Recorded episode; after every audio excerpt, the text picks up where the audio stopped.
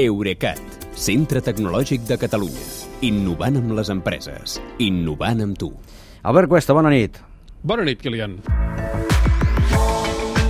Aviam, situem-nos. Albert Cuesta porta ulleres, Uh, sí, efectivament. Kilian Sabrià porta ulleres, També. Lluís Àngel Alonso en aquests moments no. Encara té la vista bastant bé. Però nosaltres dos seríem més fàcils d'espiar en les videotrucades, els treballadors que portem ulleres? Uh, sí, uh, pel reflex. Uh, ja ho sabem, eh, que durant la pandèmia les videotrucades i les videoconferències es van convertir en part de la feina fins a l'extrem que empreses com Zoom van triplicar la seva facturació d'un any per l'altre i altres plataformes com Microsoft Teams o Google Meet o Skype van registrar increments de trànsit semblants. Doncs, si recordeu, en aquell moment ja van sorgir casos d'ansietat entre empleats que preferien no encendre la càmera perquè els, els altres participants no veiessin on eren o bueno, estaven incòmodes. Doncs ara uns investigadors de la Universitat Nord-Americana de Michigan i de la xinesa de Zhejiang han descobert que les persones que portem ulleres, com tu o com jo, també estem en desavantatge amb una videoconferència, perquè analitzant imatges de videotrucades han aconseguit identificar i reconèixer amb un encert del 75% el text que surt a la pantalla que estem mirant durant la videotrucada i que, com et deia, eh, es reflecteix amb el vidre de les nostres ulleres. Perdona, el text i el que no és text perquè a vegades Ah. pots estar mirant alguna altra cosa, no serà la primera vegada que algú li passa. Amb aquest, amb aquest estudi s'han limitat el text. D'acord, està bé. Eh, per tant, els altres participants a la videotrucada podrien arribar a saber si estem atents o distrets amb altres coses, seria això?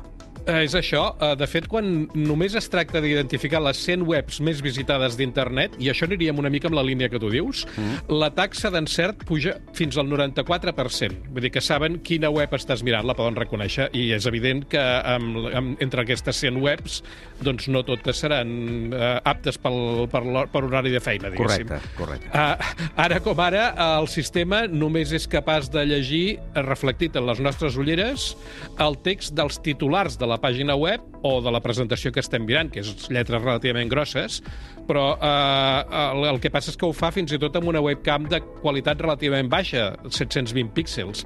Però és que a mesura que les càmeres dels portàtils vagin millorant fins a assolir resolució 4K, cosa que ja està passant, eh, a l'altra banda es podrà llegir tot el document que tenim al davant, eh, sigui un text, un missatge de correu delicat o un full de càlcul amb dades confidencials.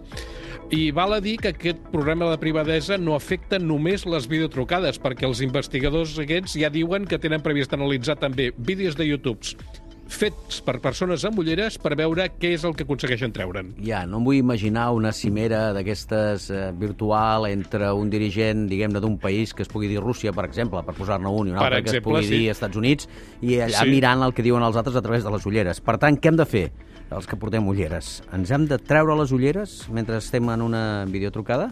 A veure, uh, podem fer-ho, però aleshores ens passarem la sessió fent ganyotes i acabarem amb mal de cap. Certament.